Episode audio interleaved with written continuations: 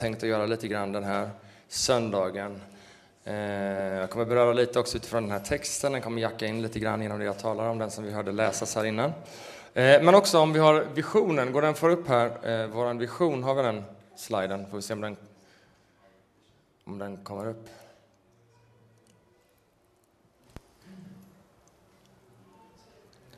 Det är någonting fel med kalibreringen här, men det går nog, det går ju nästan att se.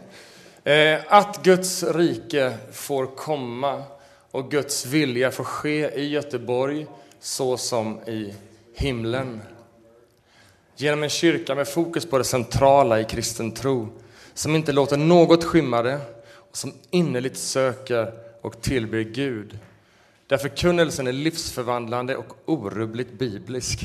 En blomstrande och jordnära Gudsrikes gemenskap av andefyllda vardagskristna som följer Jesus i vår stad.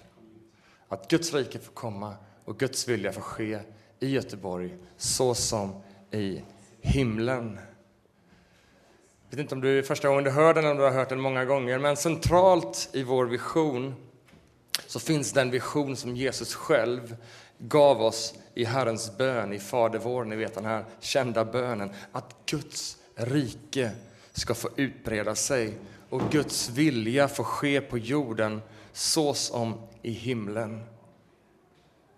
Jag vet inte någon större vision än så, eller någon annan vision än så, behöver vi inte. Så därför är hela vår vision centrerad kring och uppbyggd på denna vision som Jesus själv kom med, att hans vilja ska få ske, att hans rike ska få utbreda sig.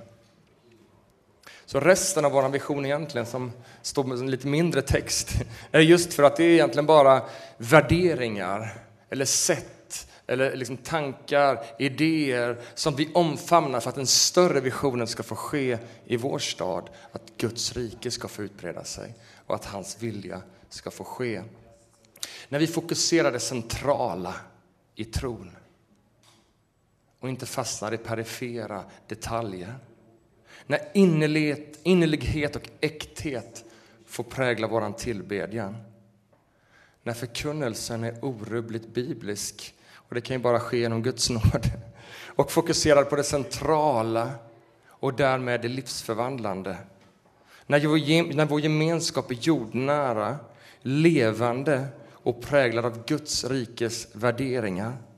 När vi ger utrymme för den helige Ande, inte bara på söndag utan i vår vardag. Så att vi följer Jesus i vår stad och där vi bor och där vi lever. Då, då utbreds Guds rike och mer av Guds vilja får ske på jorden så som i himlen. Det är vår vision, det är vår tro och det är vår bön. And maybe we haven't said, but there is translation if you need, so just pick a headset back there if you need translation. Det är vår vision och det är vår bön. Och då kan man tänka när man hör en vision, är vi där? Är vi där? Jag skulle vilja svara på den frågan både ja och nej. Jag tror det är som en hälsosam vision. En hälsosam vision, det är inte bara någonting som är oerhört långt borta, stort och onåbart, liksom som någon form av totalt annat än den verkligheten vi är i. Men det är inte heller någonting som, som liksom, eh, det är inte heller något som, eh, som redan är sant här och nu. Det är både och. Det är något vi är men som vi längtar blir mer av. Det är något som vi borrar oss djupare i hela tiden. Men när vår tillbedjan, vi sa i visionen att vi vill att vår tillbedjan ska vara innerlig och hängiven och sådär. Vår tillbedjan på ett sätt är bara ett skrap på ytan. Det är bara så lite av den tillbedjan som kommer ske inför tronen i evighet, i härlighet. Så vår tillbedjan är bara ett skrap på ytan. Men samtidigt är den innerlig och härlig och äkta. Det är både och är sant. Vår gemenskap är ibland mer än bristfällig, men samtidigt är den levande och ger liv. Vi är vad vi är genom Guds nåd och vi rör oss mot det vi ska bli. Så låt oss inte se ner på det som är, Men låt oss samtidigt röra oss mot det vi håller på att bli.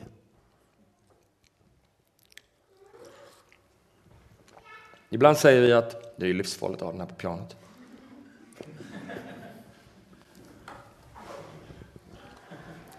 Ibland säger vi att vi som församling står på två ben.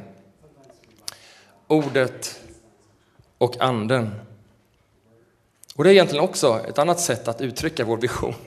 Att vi står rotade, eller vi vill stå rotade både i ordet och i anden. Det vår vision handlar om, att få fördjupas i anden och i ordet så att vi kan växa i tro och gemenskap och nå ut till våran stad. Så vad handlar det här om? Det handlar om tillväxt, både inåt och utåt. Tillväxt både inåt och utåt, inte bara det ena eller det andra, utan både och. Tillväxt inåt och utåt. Om vi bara har tillväxt utåt så kommer vi snart, och ingen tillväxt inåt, då kommer vi snart tappa också tillväxt utåt. Har vi bara tillväxt eh, inåt och vice versa, alltså, vi kan inte ha det ena eller det andra, vi behöver ha både och. Vi får växa inåt och utåt. Och jag satt med Marie-Louise häromveckan, jag vet inte om hon är här, men vi satt och, och drack en kaffe och pratade just om församlingstillväxt och församlingsplantering. Och när man pratar om församlingstillväxt och församlingsplantering så brukar man prata om olika tillväxtplatåer. Vet en platå, man kommer upp till en platå så planar saker ut. Man går upp på ett berg kan man komma upp till en platå. Men så finns det kanske en ny stigning och en ny platå och en ny stigning. Så när man växer som församling, när man startar eller sådär, så brukar man prata om olika nivåer. Man, man, man brukar gå ganska fort att växa upp till 50. Sen brukar det bli en liten platå, sen upp till 80, sen upp till 200, sen upp till 1000. Så, det är lite nörderi, men folk som forskar kring det här har sett den här olika typer av platåer. Och det finns nog många, många orsaker till det där. Men två saker som ofta händer i en församling när man har vuxit upp till en platå är att man antingen förlorar sitt missionella fokus. Och vad är det för någonting? Jo, alltså det här utåtriktade tänket. Att att liksom vara inbjudande som församlingsplantering. I början är det ju naturligt när man startar en församling. Om det ska komma några måste vi bjuda in. Annars står man ju där själv. Så man liksom, det finns naturligt i en församlingsplanterings DNA att vara missionell, att vara inbjudande, medbjudande och utåtriktad. Men ofta så försvinner det där lite, det klingar av längs med vägen. Därför att man kommer upp till en platta, men nu känns det ganska bra. Det är lite halvfullt eller lite fullt. Vi liksom bemannar de flesta positioner och sådär. Det, liksom, det känns ju ganska bra. Det händer ganska naturligt. En annan sak som kan hända, så det ena är liksom det här att man förlorar sitt missionella fokus. Det andra som, som ofta händer när man når en platå, varför man liksom inte växer vidare, det är för att det finns bristande strukturer och bristande ledarskap. Och ibland händer ju både och. Och nu kan man ju undra också kring det här med att växa, är det ett självändamål i att växa? som kyrka alltså utåt. Och jag tror ofta när man ställer sig den frågan så är det för att man har erfarenheter av något sammanhang där man, eh, där man liksom ensidigt har fokuserat på att bara växa till antalet och inte fokuserat att växa inåt. Och så har man blivit bränd på det där. Jag tror det finns något naturligt i att växa. Eh, där, liksom, där, vi, där vi växer också utåt, men inte på bekostnad av att växa inåt. Och Apostlagärningarna så är det så, så tydligt. Och en av de texterna vi har läst, jag ska läsa den igen, men också Apostlagärningarna 2.42 som vi ofta citerar. Där det står så här, de har troget fast vid apostlarnas undervisning och vid gemenskapen. Är ni med? Inåt. Brödsbrytelsen och bönerna. Och varje själ greps av bävan och många under och tecken skedde genom apostlarna. Alla de troende var tillsammans och de hade allt gemenskap, gemensamt. De började sälja sina egendomar och ägodelar och delade ut efter var och ens behov. Varje dag var de troget och enigt tillsammans i templet och i hemmet bröt de eh, eh, eh bröd och delade måltid med varandra i jublande innerlig glädje. Känner det växer inåt, det växer en styrka, det växer liksom en, en mogenhet, det växer kärlek, det växer massor goda saker. De prisade Gud, var omtyckta av hela folket och Herren ökade varje dag skaran av dem som var troende. Det fanns också en utåtrörelse, en utåtrörelse att dela med sig. Det här som vi har upptäckt, det vill vi dela med oss av till andra. Det måste varit en ganska stark medbjudande eh, liksom atmosfär i församlingen. Apostlagärningarna 9.31 som Pierre läste, där står det så här, församlingen hade nu lugn och ro i hela Judeen, Galileen och Samarien. Den blev uppbyggd och levde i vördnad för Herren. Det ordet uppbyggd talar om inåt, tillväxt inåt. De blev stärkta i sin tro. Och så fortsätter texten. Och de växte. Och det ordet, om man slår upp det, så det handlar det om att växa i antal, att bli fler. Och de växte i antal genom den helige Andes uppmuntran. Det finns någonting naturligt i en församling, det är att växa inåt och utåt. Och jag tror att det är ett hälsosamt tillstånd för allting som har liv. Om man tänker på ett träd, det växer både i det synliga och i det osynliga. Det växer till, det får djupare rötter, stabilitet. Och kronan blir större för varje år av nya grenar, nya kvistar som växer ut hela tiden. Men också ett träd som får för lite näring och för lite stöd kan begränsas i sin tillväxt. Och jag tror att det där kommer liksom in, det där med bristande strukturer och ledarskap kan hindra tillväxt både inåt och utåt. Jag tror att, vad handlar det där om då? Handlar det om hur bra jag är som pastor eller vi som församlingsledare? Ja, men delvis. Men jag tror att det är bredare än så. Det kan handla om otydliga vägar till engagemang. Man kommer in i en kyrka, det här är bra, men hur blir jag delaktig? Hur blir jag engagerad här? Vägar till gemenskap, till mindre grupper. Det kan handla om kulturer som liksom... Är det lätt eller svårt att komma in här? Det liksom, känns det som en ja, det är jättehärlig gemenskap, men det känns stängt? Eller finns det en öppenhet? En öppen och varm gemenskap. Ja, självklart vi som ledare, vi behöver jobba på det vi kan göra för att skapa strukturer och sådär. Men jag tror det inkluderar oss alla. En varm och öppen gemenskap, det är så viktigt. Och därför finns det i vår vision, Guds rikes gemenskap talar man om vår vision. För att det fanns och det kännetecknade den tidiga församlingen, de höll fast vid gemenskapen. Men jag vill också vara ärlig och säga när man talar om gemenskap så kan det bara bli, ja, det är bra, men så är det inte riktigt här. Nej, jag vill vara ärlig och säga det här med gemenskap, det är så, så svårt. Det är så, så svårt. Alltså det kan vara så levande och sprudlande men ändå så kan det finnas, så är det svårt att komma in, svårt att hitta vänner, man kommer som ny och liksom, det kan ta lång, lång tid. Och jag tror att det är så egentligen överallt, inte bara församlingen. Utan det är svårt, och inte minst i Sverige där vi har en kultur av att vara lite mera inneslutna. Och storstaden som är så fragmenterad. Så mycket olika intressen, så mycket som pockar på vår uppmärksamhet. Och vi lever så upptagna liv så att också den som känner sig ensam ibland inte har tiden att skapa nya relationer. Att hitta det där utrymmet för att odla vänskap. För det är någonting som odlas över tid.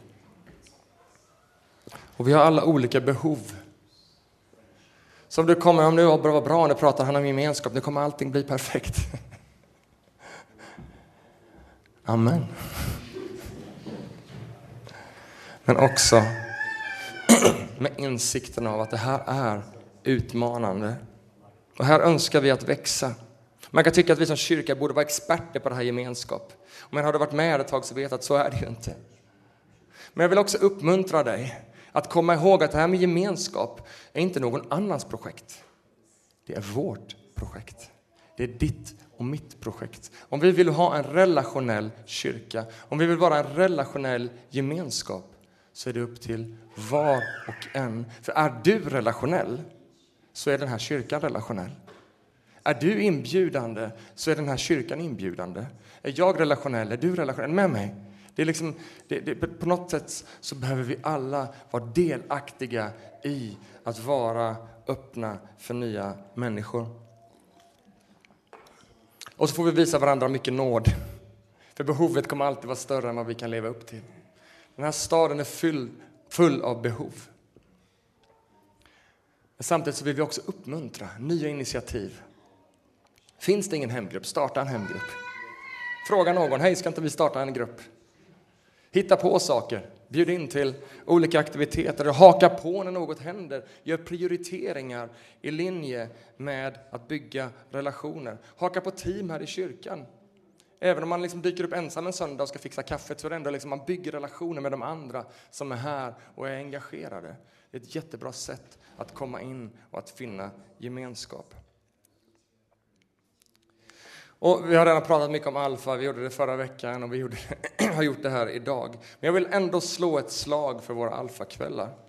Det är inte bara så att det handlar om att dela sin tro med andra, utan vi har sagt att vi vill att det ska vara en relationell hubb, en plats att mötas. Ja, men jag är redan troende och jag har ingen att bjuda med. Och jag har liksom... Nej, men kom ändå.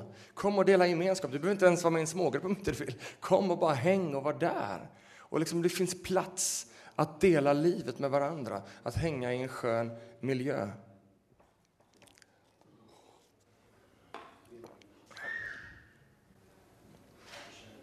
Samtidigt så tror jag att det här med alfa är en hälsosam struktur. Det behöver inte vara alfa, men nu ser det så att vi har alfa. Det skulle kunna vara något annat. Men en hälsosam struktur, en verksamhet som bygger en missionell kultur. Genom Alfa så formas vi som kyrka att vara medbjudande. Det blir normalt att tänka, vem ska jag bjuda med mig? Det blir normalt att prata om tro med varandra och med andra. Att skapa en sån plats. Det är kyrkans uppdrag att nå ut och gå ut med vår tro. När vi planterade Centro som först var United så Eh, vi bytte namn för fem år sedan. Eh, och då pratade vi ofta, i liksom början pratade vi ofta om att leva med en rytm. Att det finns en rytm att leva i som troende. En rytm av att samlas och att sändas.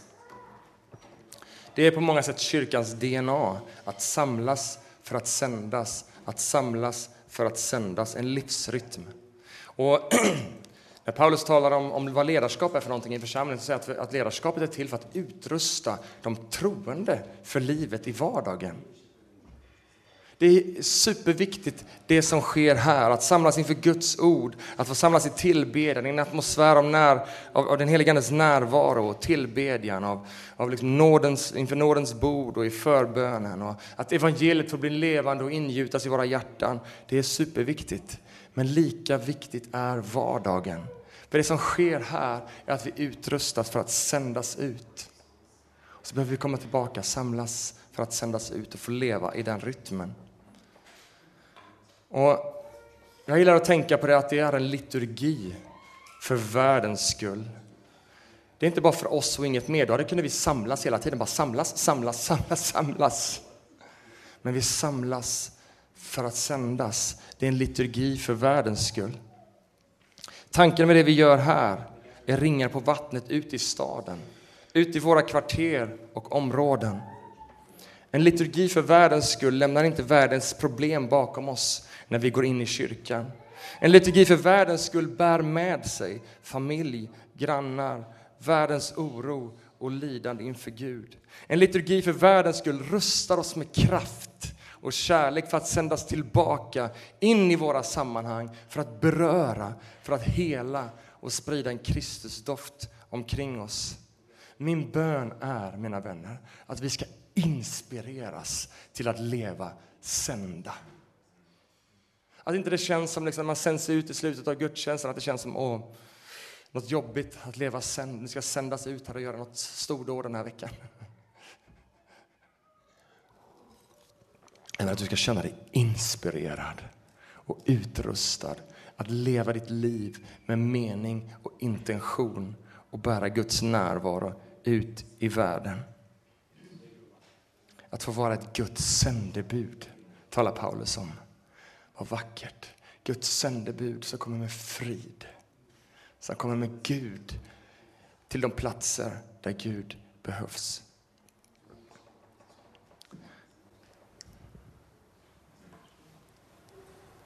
Och vill du än mer inspireras kring det där så kan jag uppmuntra dig att lyssna till Marie-Louise undervisning ifrån Summer Camp, vårt läger, där hon talar om evangelisation för den som inte vill.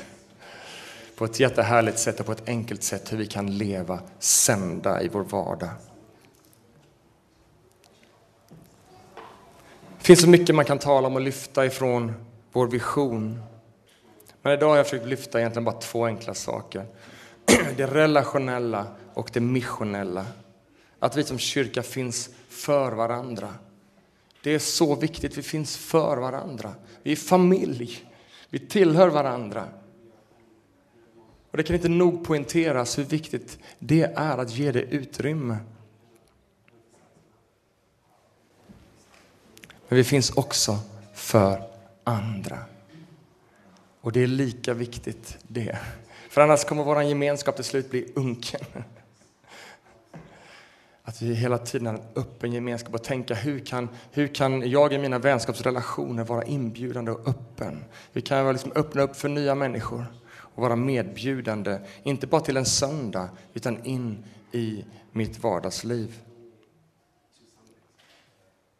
Kyrkan handlar om människor, att forma en Gudsrikes gemenskap av andefyllda vardagskristna som följer Jesus i vår stad.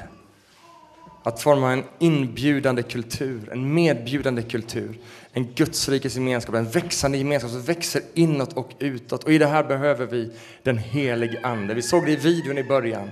Och vi har hört det gång på gång och vi hör det gång på gång. Men det, vi behöver Guds ande som kommer med kraft.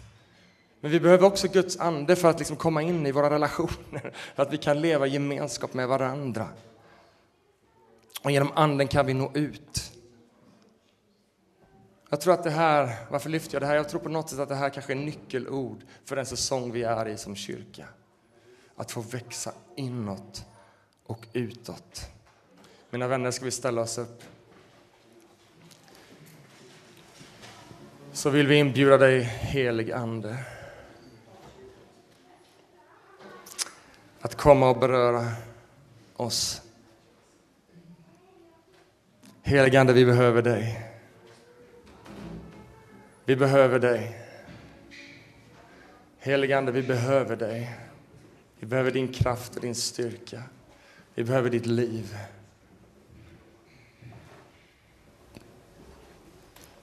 Vi behöver din ande för att leva det du har kallat oss till. Att vara en Guds rikes gemenskap som präglas av dina värderingar Men också att vara en gemenskap som når ut till nya människor. Vi behöver dig, helige Ande. Kom.